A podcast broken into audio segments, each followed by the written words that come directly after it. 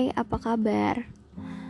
Setelah sekian lama aku nggak aktif di podcast karena ada beberapa alasan dan banyaknya pekerjaan. Tapi karena kontrak kerja aku udah habis di bulan ini, akhirnya aku memutuskan untuk sedikit bercerita di podcast ini. Sebelumnya aku mau minta maaf dulu karena aku ngerekam podcast kali ini nggak proper kayak aku ngerekam podcast podcastku sebelumnya dan aku nggak ada niatan untuk mengedit podcastku di laptop karena aku masih ada kerjaan juga sih yang harus dikerjain.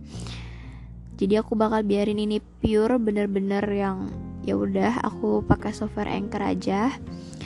Paling cuma aku tambahin backsound atau aku cut hal-hal yang missing atau apa pun itu.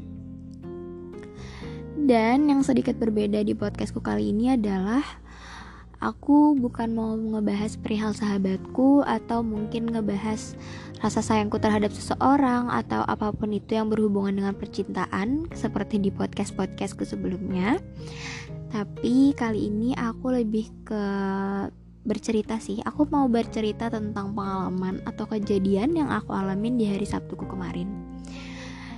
Dan Aku juga mau bilang kalau menurut kalian cerita ini gak penting, kalian boleh skip aja karena sebenarnya aku di podcast ini cuma mau menuangkan apa yang terjadi sama aku. Kalau kalian mau mendengarkan silahkan, tapi kalau kalian gak mau mendengarkan juga gak apa-apa. Aku takut ceritaku menurut kalian gak penting, so skip aja kalau misalkan menurut kalian itu gak penting ya. Dan untuk mempersingkat durasi juga biar gak terlalu kelamaan, jadi setelah sekian lama selama pandemi ini, aku hampir menghabiskan seluruh waktuku di rumah. Sampai akhirnya di hari itu aku memutuskan untuk keluar rumah karena memang aku harus menyelesaikan beberapa pekerjaan dan ada beberapa urusan yang memang harus aku selesaikan di luar rumah. Jadi pada saat itu, tepatnya di hari Sabtu, pagi hari sekitar jam 9 pagi, aku berangkat ke kantor Cadisdik yaitu cabang dinas pendidikan yang jaraknya tuh lumayan jauh dari rumah aku. Tapi sebelum ke sana tuh aku sempat mampir dulu ke salah satu minimarket untuk ambil uang di ATM yang ada di dalam minimarket itu. Nah, setelah aku sampai di sana, aku turun dari angkutan umum yang aku tumpangin waktu itu. Aku lihat ada ibu-ibu yang lagi duduk di bawah yang emang biasa duduk di situ karena aku udah sering banget pergi ke situ ke minimarket itu karena lumayan deket dari rumah.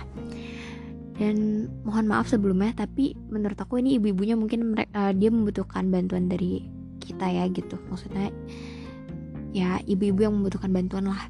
Pada saat aku datang sebelum aku masuk ke minimarket itu ibu itu ngelihat ke arah aku dengan mata dan tatapan yang penuh harap gitu seakan-akan itu dia berharap kalau misalkan aku tuh bisa ngebantu ibu itu Singkat cerita, aku pada saat itu langsung pergi aja ke dalam, aku langsung masuk ke dalam. Karena memang aku juga buru-buru ya, lumayan buru-buru. Udah jam 9-an, karena jam 10 aku udah harus sampai di sana dan tempatnya lumayan jauh. Terus aku ngambil uang di ATM, terus aku beli beberapa permen buat aku cemilin. Terus aku keluar dan aku sisihin uang aku. Dan itu nominalnya Nominalnya mungkin gak terlalu besar ya. Gak yang terlalu besar-besar banget. Dan ketika aku kasih uang itu Ibu itu tuh langsung nangis gitu ketika aku kasih uang itu. Ibu itu nangis dan langsung ngedoain hal-hal baik gitu buat aku. Dia bilang makasih segala macem. Dan dia tuh mengungkapkan rasa syukurnya tuh dengan menangis gitu. Dari situ aku ngerasa kayak ternyata kalau kita pandai memaknai sesuatu dan pandai bersyukur apa pun itu bakal terasa istimewa ya. Apa pun itu bakal terasa berharga gitu buat kita. Dan menurut aku kenapa itu bisa jadi hal yang menampar aku dan bisa jadi reminder buat aku adalah ya karena selama ini mungkin rasa syukurku masih kurang. Dan aku juga mungkin masih kurang pandai dalam memaknai sesuatu gitu.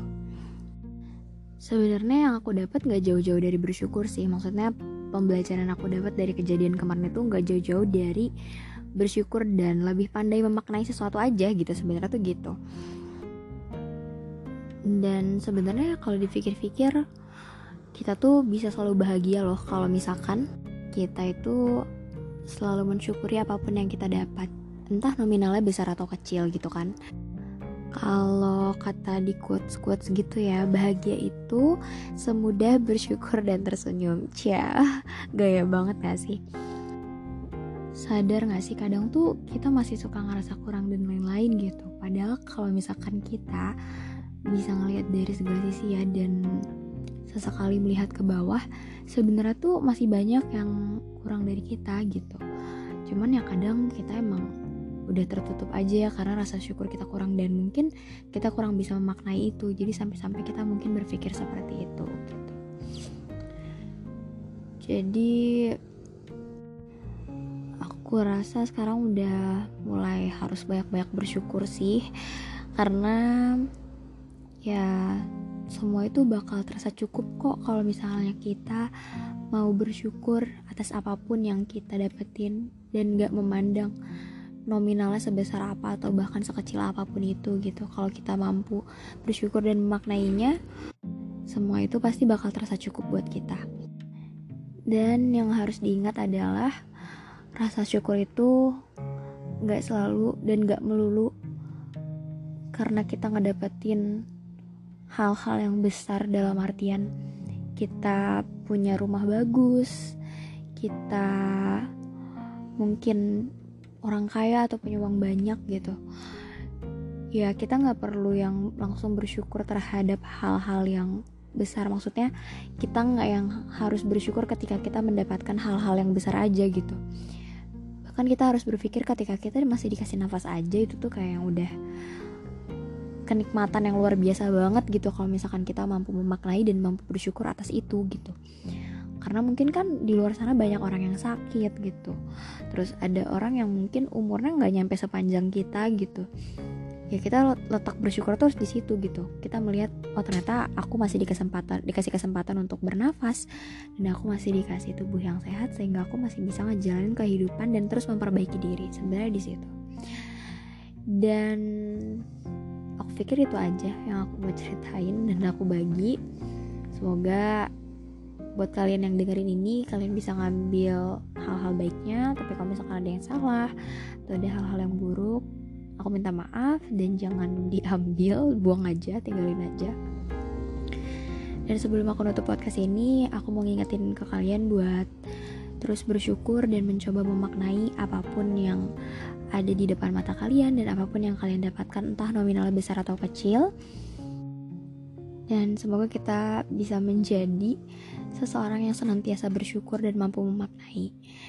Buat kalian yang lagi usaha buat SNM dan SBMPTN semoga prosesnya dilancarin dan hasilnya dapat hasil yang terbaik apa pun itu hasilnya. Aku yakin itu yang terbaik yang udah ditentuin oleh Tuhan yang di atas. So, semangat terus buat kalian, stay safe dan jaga kesehatan. Jangan sakit-sakit. Terus taati protokol kesehatan, jangan lupa olahraga. Dan semangat terus, jangan lupa bersyukur.